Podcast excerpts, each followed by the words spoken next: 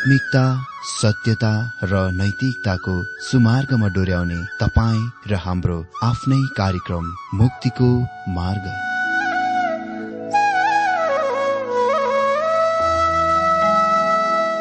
आदरणीय श्रोता यस मुक्तिको मार्ग कार्यक्रममा हार्दिक स्वागत छ। आशा छ यस आत्मिक कार्यक्रमद्वारा जीवनमा आत्मिक आशिष अलौकिक शान्ति र आनन्द प्राप्त गर्नुहुनेछ। र जीवनमा धन्य अनुभव गर्नुहुनेछ।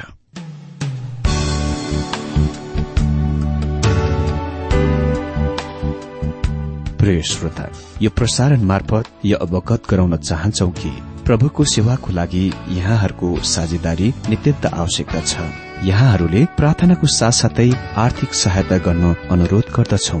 तपाईँहरूको सानो भन्दा सानो भेटी किन नहोस्? हामी प्रभुको नाममा स्वीकार गर्नेछौ प्रभुको सेवाको लागि। तपाईँहरूको यो सानो लगानीले कसैको जीवनमा भिन्नता ल्याउँछ अनि प्रभुको महिमा हुन्छ। प्रभु तपाईँहरूलाई महान गरी आशिष दिनुहुनेछ। इच्छुक श्रोताहरूले तपाईँको इच्छा भेटी हाम्रो ठेगानामा पठाउन सक्नुहुन्छ जुन ठेगाना हामी कार्यक्रमको अन्तमा दिनेछौ। प्रिय श्रोता मित्र प्रभु ख्रिष्टको मधुर अनि सामर्थ्य नाममा येशु प्रभुको नाममा मेरो जयमसी साथै हार्दिक स्वागत छ आजको यो बाइबल अध्ययन कार्यक्रममा। मित्र अघिल्लो दिनहरूमा यो प्रकाशको पुस्तकको परिचय खण्ड अन्तर्गत हामीले विशेष गरेर यो पुस्तकको अर्थ खोलाइ व्याख्या जसलाई हामी अंग्रेजीमा इन्टरप्रिटेशन भन्छौं तिनीहरूका चार प्रमुख पद्धतिहरूको देखेका थियौं। अनि चौथो प्रमुख अर्थ खोलाइ वा व्याख्याको चाहिँ प्राय अधिकांशहरूले विश्वास र स्वीकार गर्दछन् जुन फ्युटरिस्ट इन्टरप्रिटेशन हो। अनि यस विचार दृष्टिको म ग्रहण गर्छु र यसको तपाईँहरूलाई पेश गर्दछु।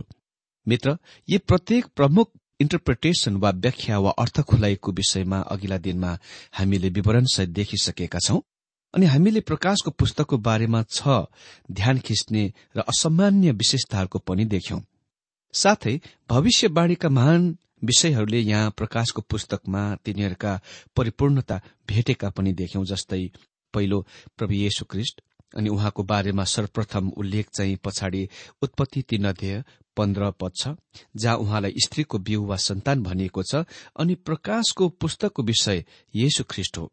अनि दोस्रो मण्डली यो पुरानो नियममा शुरू हुँदैन। यो सर्वप्रथममा मती सोह्र अध्यय अठार पदमा प्रभु येशुद्वारा उल्लेख गरिएको छ। तेस्रो परमेश्वरको जनहरूका पुनरुत्थान र परिवर्तन रूपान्तरण। युहान चौध अध्यय अनि पहिलो थिस्लोनिकी चार अध्यय तेह्रदेखि अठार पहिलो कुरन्थी पन्ध्र अध्यय एकाउन्न र बाहन्न पद। अनि चौथो व्यवस्थाको चार अध्यायमा क्लेशको बारेमा भनिएको छ जहाँ परमेश्वरले भन्नुहुन्छ उहाँका जनहरू क्लेश संकष्टमा हुने थिए अनि पाँचौं इजिकेल अठाइस अध्यय एघारदेखि अठार पदमा शैतान र दुष्टता खराबी अनि छैटौं इजिकेल अठाइस अध्यय एकदेखि दश पदमा पापको मानिस अनि सातौं दानियल दुई अध्यय एकतीसदेखि पैंतालिस मती एक्काइस अध्ययको चौबिसमा सत्य विश्वास त्यागी। इसाई जगत ख्रिष्टको गतिपथ र अन्त्य। आठौं दानियल दुई अध्यय सैतिसदेखि पैंतालिस लुका एक्काइस अध्ययको चौबिस पदमा अन्य जातिहरूका समयहरूको आरम्भ र अन्त। प्रभु येशुले भन्नुभयो यरुसलेमलाई अन्य जातिहरूले कुल्ची मिल्ची तबसम्म गर्नेछन् जबसम्म अन्य जातिहरूको समय पूरा हुँदैन। नौ ख्रिस्टको दोस्रो आगमन। यहुदा एक अध्यय चौध र पन्ध्र पद अनुसार हनोकले त्यसको बारेमा बोले जुनले हामीलाई पछाडि उत्पत्तिको समयतिर लान्छ। दशौं इसरायलको करार जुन उत्पत्ति बाह्र अध्यय एकदेखि तीन पदमा अब्राहमसँग परमेश्वरले बनाउनु भएको करारसँग आरम्भ हुन्छ। परमेश्वरले पाँच कुराको प्रतिज्ञा गर्नुभयो अनि परमेश्वरले प्रकाशमा भन्नुहुन्छ कि उहाँले तिनीहरूका पूरा गर्नुहुनेछ। मित्र भविष्यवाणीका यी महान दश विषयहरूले परिपूर्णता प्रकाशको पुस्तकमा पाउँदछन्। म यो प्रकाशको पुस्तकको यहाँ संक्षिप्त रूपरेखा दिन्छु। मित्र प्रकाशको पुस्तक ख्रिस्टको क्रुस र उहाँको स्वर्गरोहणसँग आरम्भ हुन्छ। एक अध्यायमा हामी महिमित ख्रिस्टलाई देख्छौं। दुई र तीन अध्यायमा हामी मण्डलीको देख्छौं। चार र पाँच अध्यायमा हामी मण्डलीलाई स्वर्गीयमा देख्छौं। त्यसपछि छदेखि अठार पदमा चाहिँ तल पृथ्वीमा महाक्लेशले स्थान लिएको देख्छौं। अनि उन्नाइस अध्यायमा ख्रिष्टको पृथ्वीमा फर्की आउने कुरा वा उहाँको आगमनको देख्छौ। र आफ्नो राज्यको स्थापन गर्नुहुन्छ। अनि बीस अध्यायले हामीलाई ख्रिष्टको हजार वर्षीय शासनको बारेमा बुझ त्यसपछि महान श्वेत सिंहासन स्थापित भएको छ अनि त्यो स्थान हो जहाँ पापमा निन्दित गुमेकाका न्याय गरिन्दछ इन्साफ गरिन्दछ। अनि अध्यय एक्काइस र बाइसमा अनन्तता शुरू हुन्छ। त्यो नै प्रकाशको पुस्तक हो। स्नफरले एक महत्वपूर्ण अवलोकन बनाएका छन्। डोमिसियन ख्रिस्टको विरूद्ध सैनिक अभियानको शुरू गरे अनि मण्डलीले ख्रिस्टको अन्तिम प्रेरित युहानाका नेतृत्व मुनि त्यस आक्रमणको उत्तर दिए। नेरो रोमी सम्राटले पाउल र पत्रुसलाई मारे। उसले तिनीहरूलाई सरकारका विरूद्धमा जनतालाई भाड्ने यहुदीहरूको रूपमा विचार गरे। डोमिसियन रोमी सम्राट नै क्रिस्चियन आन्दोलनको पछि रहस्यमय व्यक्ति खड़ा भएको थियो भने बुझ्ने पहिलो सम्राट थिए। जसले रोमी सम्राटहरू महिमाको धम्क्याएको। उनी यस व्यक्तित्वको विरूद्ध युद्ध घोषणा गर्ने पहिलो व्यक्ति थियो र युद्ध हार्ने पहिलो व्यक्ति पनि थियो अर्थात् पछि आउने कुराहरूको पूर्व अनुभव यो पुस्तकको विषय हेर्नलाई महत्वपूर्ण छ। यसको जोड़ दिन र पुनः जोड़ दिन म तपाईँको ध्यानलाई प्रकाश एक अध्यय एकतिर खिच्न चाहन्छु। येशु ख्रिस्टको प्रकाश परमेश्वरले आफ्ना दासहरूलाई चाँडै हुनुपर्ने कुराहरूको देखाउनको निम्ति उहाँलाई यो प्रकाश दिनुभयो। अनि उहाँले यसलाई आफ्ना दूतद्वारा पठाइकन आफ्ना दास युहानालाई बताउनुभयो। मनमा हामीले यो कुरा राखौं कि यो पुस्तक येशु क्रिस्टको प्रकाश हो। सुसमाचारहरूमा तपाईँ उहाँलाई उहाँको आफ्नो शरीरको दिनमा देख्नुहुन्छ। तिनीहरूले येशु ख्रिस्टको सम्पूर्ण प्रकाश दिँदैन। त्यहाँ तपाईँ उहाँलाई मान भङ्ग अपमानमा देख्नुहुन्छ। या प्रकाशमा उहाँलाई महिमामा देख्नुहुन्छ। हुने वा स्थान लिने हरेक कुराको इन्चार्जमा उहाँलाई देख्नुहुन्छ। वा सम्पूर्ण कुराको नियन्त्रणमा हुनुहुन्छ। यो येशु ख्रिस्टको प्रकटता हो। स्नेरले यसलाई अति नै राम्ररी राखेका छन् जुनको म उद्धृत गर्न चाहन्छु। प्रकाशको पुस्तकमा थुमा केन्द्र हुनुहुन्छ जुनको वरिपरि सबै एकै ठाउँमा झुमिएका छन्। उहाँ त्यो जग हुनुहुन्छ जसमाथि हरेक कुरा टिकाउ हुने गरी निर्माण हुँदछ। उहाँ त्यो काँटी हुनुहुन्छ जुनमा सबै झुन्ड्याइन्दछन्। त्यो उद्देश्य जुनतिर सबैले लक्ष्य गर्दछ।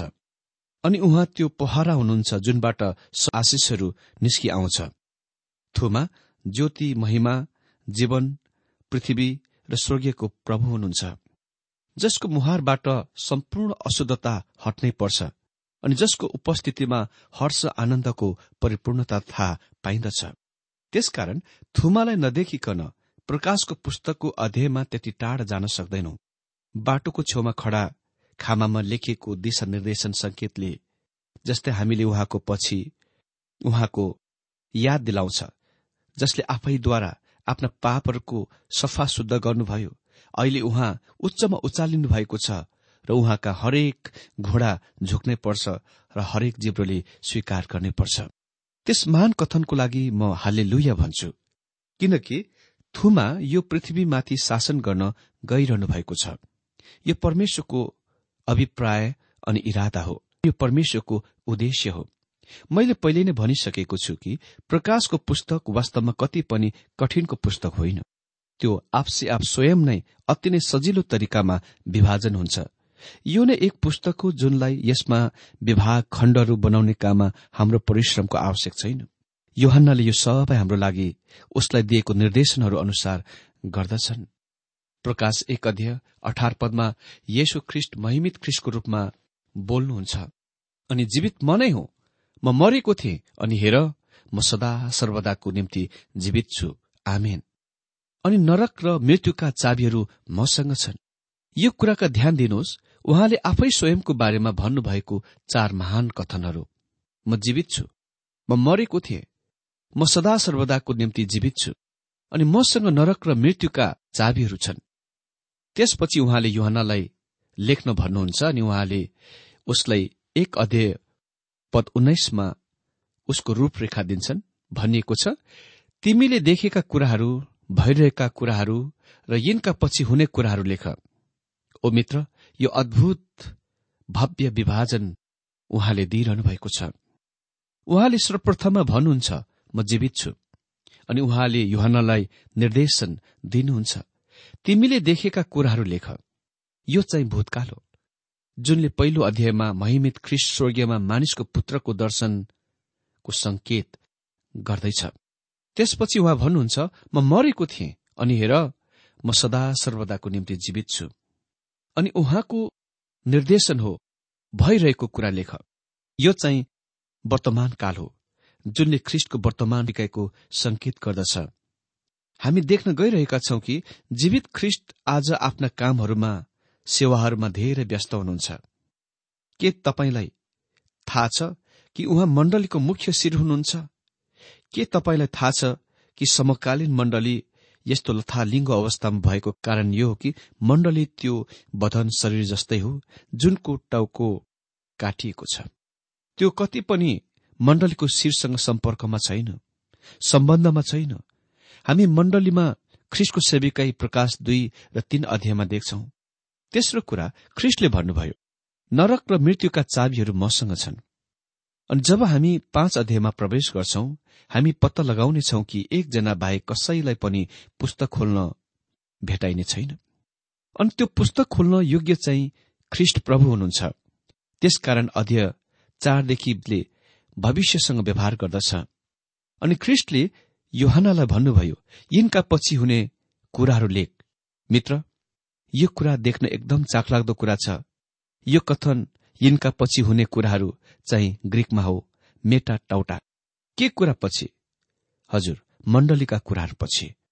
यसरी अध्यय चारदेखि बाइस पदमा उनी पृथ्वीलाई मण्डलीले छोडेपछि स्थान लिन गइरहेका वा हुन गइरहेको कुराहरूसँग व्यवहार गरिरहेका छन्।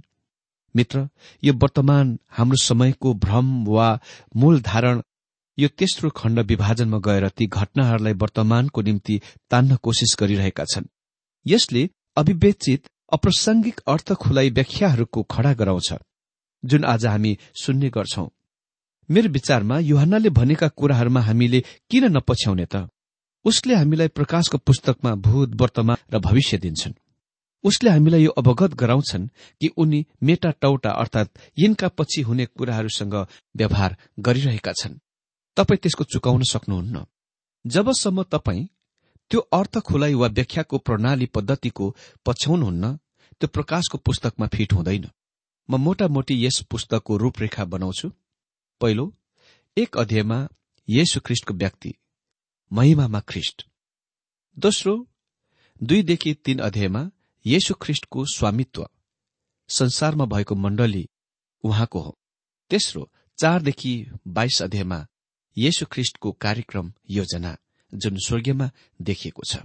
अन्तिम खण्ड विभाजनले पृथ्वीमा सबै कुराको पूर्णतासँग व्यवहार गर्छ। यसले नै प्रकाशको पुस्तकलाई त्यस्तो महिमित र अद्भुत पुस्तक बनाएको छ। मित्र प्रकाशको पुस्तकको पहिलो विभाजनमा हामी प्रधान पुजारीको रूपमा उहाँको ओहदा र महिमामा ख्रिष्टको व्यक्तिको देख्नेछौ जो उहाँको मण्डलीको इन्चार्ज हुनुहुन्छ। हामी देख्नेछौ कि उहाँ पूर्ण रूपमा नियन्त्रणमा हुनुहुन्छ। सुसमाचारका पुस्तकहरूमा हामी उहाँलाई नम्र र दिन भेटाउँछौ। उहाँले हामीलाई पृथ्वीमा आफ्ना शत्रुहरूका अधीन मुनिमा लिनुभयो र क्रुसमा मर्नुभयो। हामी प्रकाशको पुस्तकमा उहाँको बिल्कुल अलग्गै तस्विर पाउँछौ। उहाँ पूर्ण नियन्त्रणमा हुनुहुन्छ। यद्यपि उहाँ अझै परमेश्वरको थुमा भए तापनि। यो उहाँको क्रोध थुमाको क्रोध प्रकट भएको छ अनि यसले पृथ्वीलाई भयभीत पार्छ। जब उहाँ क्रोधमा बोल्नुहुन्छ उहाँको दण्ड पृथ्वीमा आरम्भ हुन्छ। येशु ख्रिष्टको व्यक्ति चाहिँ यो पुस्तकको विषय हो। जब दृश्य स्वर्गीयतिर सर्दछ हामी उहाँलाई त्यहाँ पनि सबै कुराहरूमा नियन्त्रण गरिरहेको देख्छौ। येशु ख्रिष्ट केवल प्रकाशको पुस्तकमा मात्र होइन सम्पूर्ण बाइबलमा मुख्य विषय हुनुहुन्छ। शास्त्रहरू दुवै इष्टतन्त्र र ख्रिष्ट केन्द्रितहरू हुन् अर्थात् परमेश्वर केन्द्रित र ख्रिष्ट केन्द्रित। जबकि ख्रिष्ट परमेश्वर हुनुभएकोले गर्दा उहाँ नै एक हुनुहुन्छ जसले सम्पूर्ण परमेश्वरको वचनको क्षितिजलाई भर्नुहुन्छ पूर्ण गर्नुहुन्छ। प्रकाशको पुस्तक अध्ययन गर्दा यस कुरालाई विशेष तरिकामा मनमा राख्न आवश्यक छ। सुसमाचार्य पुस्तकमा भन्दा पनि धेरै। समग्र रूपमा बाइबलले हामीलाई बताउँछ उहाँले के गर्नुभएको छ के गरिरहनु भएको छैन र उहाँले के गर्नुहुनेछ। प्रकाशको पुस्तकले दुवै कुराको जोड़ दिन्छ कि उहाँले के गरिरहनु भएको छ र उहाँले के गर्नुहुनेछ। पुरानो नियमको अन्तिम पुस्तक मलाकी धार्मिकताको पुत्रको उल्लेखसँग अन्त हुन्छ। जुन उदय हुन बाँकी नै छ। अनि यसले श्रापित पृथ्वीको आशा थाम्दछ। अनि त्यो आशा चाहिँ प्रभु येशु ख्रिष्टको पुनः आगमन हो। प्रकाशको पुस्तक चम्किलो र बिहानको तारासँग अन्त हुन्छ। जुन चाहिँ पृथ्वीबाट मण्डलीलाई उठाइ लैजान उहाँको पुनः आगमनको रूप वा आकृति हो। स्वर्गीय यात्रा वा बादलमा उठाइ लगिने कुरा चाहिँ नयाँ नियमको आशा हो जस्तो कि ख्रिस्टको प्रकाश पुरानो नियमको आशा थियो। अनि प्रकाशको पुस्तकले ख्रिस्टको प्रकाशको पूर्ण गर्नेछ। अहिले यो कुराको पनि ध्यान दिउँ कि उत्पत्ति र प्रकाश बीच अर्थात बाइबलको पहिलो र अन्तिम पुस्तक बीच सम्बन्ध छ। उत्पत्तिले आरम्भमा शुरूआतको पेश गर्दछ अनि प्रकाशको पुस्तकले अन्तको पेश गर्दछ। यी दुई बीचको अन्तरको ध्यान दिनुहोस्। उत्पत्तिमा पृथ्वीको सृष्टि गरिएको थियो। प्रकाशमा पृथ्वी बितेर जानेछ। उत्पत्तिमा शैतानको पहिलो विद्रोह थियो। प्रकाशमा शैतानको अन्तिम विद्रोह छ। उत्पत्तिमा सूर्य चन्द्र ताराहरू पृथ्वीको लागि थिए। प्रकाशमा उही स्वर्गीय आकाशी कुराहरू पृथ्वीका दण्डको लागि हुन्। उत्पत्तिमा सूर्यले दिनलाई शासित गर्नुपर्ने थियो। प्रकाशको पुस्तकमा सूर्यको कति पनि आवश्यक छैन। उत्पत्तिमा अन्धकारलाई रात भनियो प्रकाशमा त्यहाँ कुनै रात हुनै छैन। उत्पत्तिमा पानीहरूलाई समुद्र भनियो प्रकाशमा कति पनि समुद्रहरू हुने छैन। उत्पत्तिमा पापको प्रवेश थियो प्रकाशमा पापको प्रस्थान छ। उत्पत्तिमा श्रापको घोषणा गरियो प्रकाशमा श्राप हटाइएको छ। उत्पत्तिमा मृत्यु प्रवेश गर्यो प्रकाशमा त्यहाँ कुनै मृत्यु छैन। उत्पत्तिमा त्यहाँ दुःख कष्ट र शोकको आरम्भ थियो। प्रकाशमा कति पनि कुनै पनि दुःख कष्ट र शोक हुने छैन। उत्पत्तिमा पहिलो आदमको विवाह थियो। प्रकाशमा दोस्रो अन्तिम आदमको विवाह छ। उत्पत्तिमा हामीले मानिसको सहर देख्यौं। बेबिलोन सहर बनाइएको थियो। प्रकाशमा हामी मानिसको सहर बेबिलोन ध्वस्त गरिएको देख्छौ। र परमेश्वरको सहर नयाँ यरुसलेम दृश्यमा ल्याइएको छ। उत्पत्तिमा शैतानको दण्ड घोषणा गरियो। प्रकाशमा शैतानको दण्ड कार्य सम्पादन गरिएको छ पूरा गरिएको छ। यो चाकलाग्दो कुरा छ कि उत्पत्तिले बाइबललाई विश्वको दृष्टिसँग मात्र खोल्दैन तर विश्वव्यापी व्यापक दृष्टिसँग खोल्दछ। उत्पत्ति एक अध्यय एक पदमा लेखिएको छ आदिमा परमेश्वरले आकाश र पृथ्वी सृष्टि गर्नुभयो। अनि बाइबल अर्को विश्वको र विश्वव्यापी पुस्तकसँग अन्त हुन्छ। प्रकाशले देखाउँछ कि परमेश्वर आफ्नो विश्व ब्रह्माण्डसँग र आफ्ना सृष्टिहरूसँग के गर्न गइरहनु भएको छ? मित्र यस्तो पुस्तक अरू कुनै छैन। त्यसपछि यस पुस्तकको रूपरेखा पनि हेरिहालौं। पहिलो मुख्य विषय एक अध्यायमा देख्छौ येशु ख्रिष्टको व्यक्ति अर्थात ख्रिष्टको महिमा। अनि यसै मुख्य विषय अन्तर्गत हामी उप शाखा विषय देख्नेछौ। प्रकाश एक अध्यायको एक पद पुस्तकको शीर्षक दुई पद प्रकाशको विधि तीन पद बाइबल अध्ययनको आशिष चारदेखि आठ पद यस पुस्तकको लेखक योहन्ना र स्वर्गीयमा येशु ख्रिष्टबाट अभिवादन अनि उन्नाइसदेखि अठार पद महिमित शरीरमा ख्रिष्ट आफ्ना मण्डलीलाई न्याय गरिरहनु भएको छ। अर्थात् उहाँ महापवित्र स्थानमा महान प्रधान पुजारी हुनुहुन्छ। हामी उहाँलाई अबदेखि उसो शरीर अनुसार चिन्दैनौ। अनि उन्नाइस पद प्रकाशको विषय सूचीको विभाजन। बीस पद सात तारा र सात कामदारहरूको अर्थ खोलाई व्याख्या। त्यसपछि दोस्रो मुख्य विषय दुई र तीन अध्यायमा देख्छौ येशु ख्रिष्टको स्वामित्व। संसारमा भएको मण्डली अनि यो मुख्य विषय अन्तर्गत शाखा उपविषय देख्छौ देखि दुई अध्यायको एकदेखि सात पद। एफिससमा भएको मण्डलीलाई ख्रिस्टको पत्र आठदेखि एघार पद स्मिर्नामा भएको मण्डलीलाई ख्रिस्टको पत्र बाह्रदेखि सत्रमा पर्गागममा भएको मण्डलीलाई ख्रिस्टको पत्र अनि अठारदेखि उन्तिस पदमा थियाटिरामा भएको मण्डलीलाई ख्रिस्टको पत्र अनि तीन अध्यय एकदेखि छ पदमा सार्दिसमा भएको मण्डलीलाई ख्रिस्टको पत्र अनि तीन अध्यय सातदेखि तेह्र पदमा फिलाडल्फियामा भएको झुण्डलाई ख्रिस्टको पत्र तीन अध्यय चौधदेखि बाइस लाउडिसियामा भएका मण्डलीलाई ख्रिसको पत्र। अनि त्यसपछि हामी अध्यय चारदेखि बाइस अध्यायमा मुख्य तेस्रो विषय देख्छौ। येशु ख्रिस्टको कार्यक्रम अर्थात् योजना स्वर्गीयमा दृश्य। अनि यस मुख्य विषय अन्तर्गत हामी धेरै शाखा विषयहरू देख्छौ। यहाँ पहिलो उपशाखा विषय हो चार पाँच अध्यायमा मण्डली ख्रिससँग स्वर्गीयमा। जस्तो कि येशुले भन्नुभयो कि म फेरि आउनेछु र तिमीहरूलाई म कहाँ लानेछु जहाँ म छु त्यहाँ तिमीहरू पनि हुनेछौ। अनि यस शाखा उपविषय अन्तर्गत मण्डली ख्रिससँग स्वर्गीयमा अन्तर्गत पनि शाखा उपविषय छ। चार अध्यय एकदेखि तीन पदमा परमेश्वरको सिंहासन चार र पाँच पदमा चौबिस धर्मगुरू अगुवाहरू छदेखि एघारमा चार जीवित प्राणीहरू एकदेखि चारमा सात छाप सहितको पुस्तक अनि पाँच अध्ययको पाँचदेखि दश पदमा ख्रिस्ट जो यहुदा मूलको सिंह र थुमा हुनुहुन्छ जसलाई मारिएको छ। अनि पाँच अध्यय एक बाह्रमा स्वर्गीयमा स्वर्गीय दूतहरू छुटकाराको स्तुति प्रशंसाको गीतमा साथ दिन्छन्। अनि पाँच अध्यय तेह्र र चौध पदमा विश्व ब्रह्माण्डको सर्वभाव सत्ता र उद्धारकर्ताको विश्वव्यापी आराधना। अनि दोस्रो उपशाखा विषय हो छदेखि अठार अध्यायमा विश्वमा महाक्लेश अवधि अनि यस उपशाखा विषय अन्तर्गत अर्को उपशाखा विषय हो। छ अध्यायदेखि आठ अध्यय एक पदमा छाप लगाइएको सात पुस्तकहरूको खोलाइ। अनि यस उपशाखा विषयमा पनि अर्को उपशाखा विषय छ जस्तै छ अध्यय एक र दुई पद पहिलो छापको खोलाइ र सेतो घोडामा घोडसवार छ अध्यय तीनदेखि चार दोस्रो छापको खोलाइ रातो घोडामा घोडसवार छ अध्यय पाँच र छमा तेस्रो छापको खोलाइ कालो घोडामा घोडसवार छ अध्यय सात र आठ पदमा चौथो छापको खोलाइ पहिलो घोडामा घोडसवार अनि छ अध्यय नौदेखि एघार पदमा पाँचौं छापको खोलाइ शहीदहरूका प्रार्थना। अनि छ अध्यय बाह्रदेखि सत्रमा छैटौं छापको खोलाइ क्रोधको दिन आइपुगेको छ महाक्लेशको अन्तिम आधाको आरम्भ। अनि सात अध्यायमा विराम बीचको समय।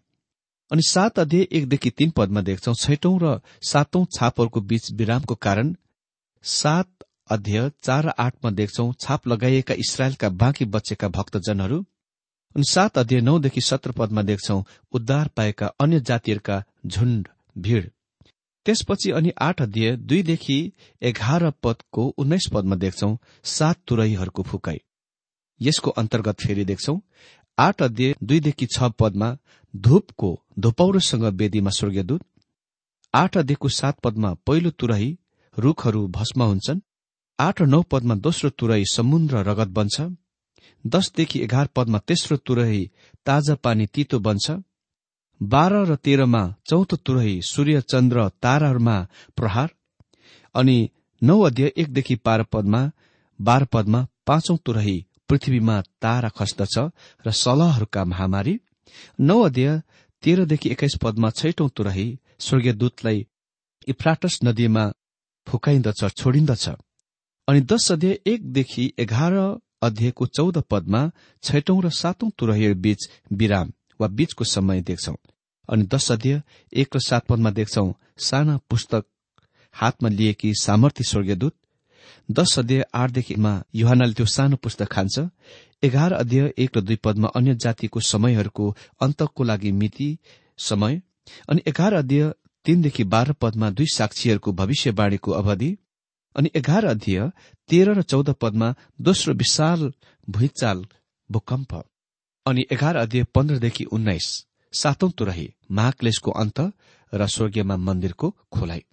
अनि त्यसपछि अध्यय बाह्र र तेह्रमा देख्छौ महाक्लेश अवधिमा सात कुरा देख्छौ जसले विशेष आफ्नो सक्रिय काम गर्नेछन्। बाह्र अध्यय एक र दुई पदमा स्त्री इसरायल। बाह्र अध्यय तीनदेखि चारमा अजिङ्गर शैतान। बाह्र अध्यय पाँच र छ पदमा स्त्रीको बच्चा येशु ख्रिस्ट बाह्र अध्यय सातदेखि बाह्रमा माइकल मुख्य स्वर्गीयदूत अजिङ्गरसँग युद्ध गर्छ। बाह्र अध्यय तेह्रदेखि सोह्रमा अजिङ्गरले स्त्रीलाई सताउँदछ। अनि बाह्र अध्यय सत्र पदमा इसरायलका बाँकी रहेका ईश्वरीय भक्तजनहरू अनि तेह्र अध्ययको एकदेखि दश पदमा समुद्रबाट जंगली पशु जुन चाहिँ राजनैतिक शक्ति र व्यक्ति जस्तै तेह्र अध्यय एक र दुई पदमा देख्छौ जंगली पशु त्यसको वर्णन अनि तेह्र अध्यायको तीन पदमा जंगली पशु जसलाई मृत्यु हुने गरी चोट लाग्छ। तेह्र अध्याय चार पाँच पदमा जंगली पशु ईश्वरत्वको मान लिए धारण गरे। अनि तेह्र अध्याय छ र आठ पदमा जंगली पशु परमेश्वरलाई चुनौती अनि तेह्र अध्याय नौ र दश पदमा जंगली पशु हरेकलाई चुनौतीको अस्वीकार। अनि तेह्र अध्याय एघारदेखि अठार पदमा देख्छौ पृथ्वीबाट जंगली पशु जुन धार्मिक अगुवा। अनि तेह्र अध्याय एघार पदमा देख्छौ जंगली पशु अनि त्यसको वर्णन। तेह्र अध्यय बाह्रदेखि चौध पदमा देख्छौ जंगली पशु सुम्पिएको अधिकार। अनि तेह्र अध्यय पन्ध्रदेखि सत्र पदमा देख्छौ जंगली पशु विश्वभरमा गलत मिथ्या विश्वासको अप्नाउन विवश गराइयो। अनि तेह्र अध्यय अठार पदमा जंगली पशु पद अनि नाम। अनि त्यसपछि चौध अध्यायमा देख्छौ महाक्लेशको अन्तको उत्सुकता साथ प्रतीक्षा। चौध एकदेखि पाँच पदमा एक लाख चौवालिससँग थुमाको तस्विर। चौध अध्यय छ र सातमा अनन्त सुसमाचारको घोषणा। चौध अध्यय आठ पदमा बाबेलमाथि दण्डको घोषणा। चौध अध्यय नौदेखि बाह्रमा पशुको नामको निशाना छाप लगाउनेमाथि दण्डको घोषणा। चौध अध्यय तेह्र पदमा ती मानिसहरूको लागि प्रभुलाई स्तुति होस् जो प्रभुमा मरे। अनि चौध अध्यय चौधदेखि बीस पदमा आर्मगदनको पुनर्लोकन। त्यसपछि पन्ध्र सोह्र अध्यायमा देख्छौ क्रोधको सात कचौराबाट खन्याई। अनि पन्ध्र अध्याय एक पददेखि सोह्र अध्याय एक पदसम्म देख्छौ महाक्लेशको अन्तिम दण्डको लागि तयारी। अनि पन्ध्र अध्याय एकदेखि चार पदमा देख्छौ क्लेशकालीन सन्त स्वर्गीयमा परमेश्वरलाई आराधना गर्छन् किनभने उहाँ पवित्र र न्याय हुनुहुन्छ। अनि पन्ध्र अध्याय पाँचदेखि सोह्र अध्ययको एक पदमा देख्छौ पवित्र वासस्थानको मन्दिर थियो र सातवटा सुनका कचौराहरू बोक्ने त्यहाँबाट बाहिर निस्किन्छ। अनि सोह्र अध्ययको दुई पदमा देख्छौ पहिलो कचौरा खन्यायो तीन पदमा देख्छौ दोस्रो कचौरा खन्यायो चारदेखि सात पदमा तेस्रो कचौरा खन्यायो आठ र नौ पदमा चौथो कचौरा खन्याइयो दश र एघारमा पाँचौं कचौरा खन्याइयो अनि सोह्र अध्यायको बाह्र पदमा छैटौं कचौरा खन्यायो त्यसपछि सोह्र अध्याय तेह्रदेखि सोह्रमा चाहिँ विराम वा बीचको समय छ। पृथ्वीका राजाहरू आर्मगदोनतिर बढ्छन् जान्छन्। अनि सोह्र अध्याय सत्रदेखि एक्काइस पदमा चाहिँ सातौं कचौरा खन्याएको छ। त्यसपछि सत्र अठार पदमा देख्छौ दुई बेबिलोनहरू दण्डित भए। सत्र अध्यायमा देख्छौ महाक्लेशमा सत्य विश्वास त्यागी मण्डली। सत्र अध्याय एकदेखि सात पदमा देख्छौ महावेश्य जंगली पशुमा चढे अनि सत्र अध्याय आठदेखि अठार पदमा देख्छौ जंगली पशुले महावेश्यलाई नष्ट गर्छ। अनि अठार अध्यायमा राजनैतिक वाणिज्य बेबिलोनको पतित भयो। अनि अठार अध्यय एकदेखि आठ पदमा देख्छौ राजनीतिक र वाणिज्य बेबिलोनको पतनको घोषणा। अठार अध्यय नौदेखि उन्नाइस पदमा देख्छौ बेबिलोनमा दण्डको कारण विश्वमा तीव्र पीड़ा। अनि अठार अध्यय बीस बीस पदमा देख्छौ बेबिलोनमा दण्डको कारण स्वर्गीयमा हर्ष र आनन्द। अनि उन्नाइस अध्यायमा देख्छौ दण्डमा ख्रिस्टको फर्काई र थुमाको विवाह। उन्नाइस अध्यय एकदेखि छ पदमा देख्छौ चार हल्ले लुया उन्नाइस अध्यय सातदेखि दश पदमा देख्छौ थुमाको दुलाइ र विवाह भोज। उन्नाइस अध्यय एघारदेखि सोह्र पदमा देख्छौ राजाहरूका राजा प्रभुका पनि प्रभुको रूपमा ख्रिस्टको फर्काई। अनि उन्नाइस अध्यय सत्र अठार पदमा देख्छौ आर्मगदनको युद्ध। अनि उन्नाइस अध्याय उन्नाइसदेखि एक्काइस पदमा देख्छौ नर्क खोलिन्दछ। अनि बीस अध्यायमा देख्छौ हजार वर्षीय राज्य।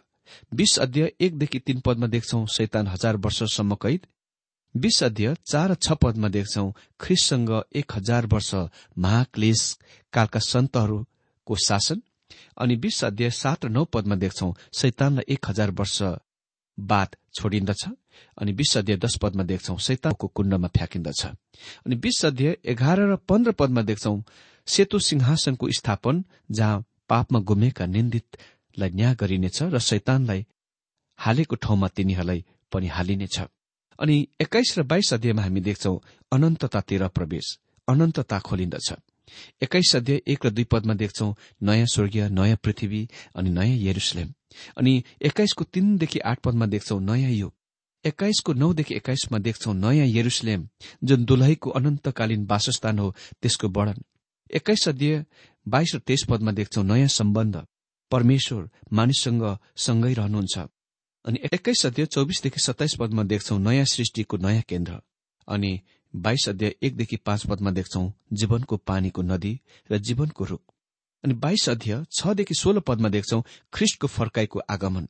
बाइस अध्यय सत्रदेखि उन्नाइस पदमा देख्छौ अन्तिम निमन्त्रण र चेतावनी। अनि बाइस अध्ययको बीसदेखि एक्काइस पदमा देख्छौ अन्तिम प्रतिज्ञा र प्रार्थना। यसै रूपरेखाको आधारमा अर्को दिनदेखि हामी बाइबल अध्ययन गर्नेछौ प्रकाशको पुस्तक। तपाई सबै प्रार्थनाको साथ आउनुहोला।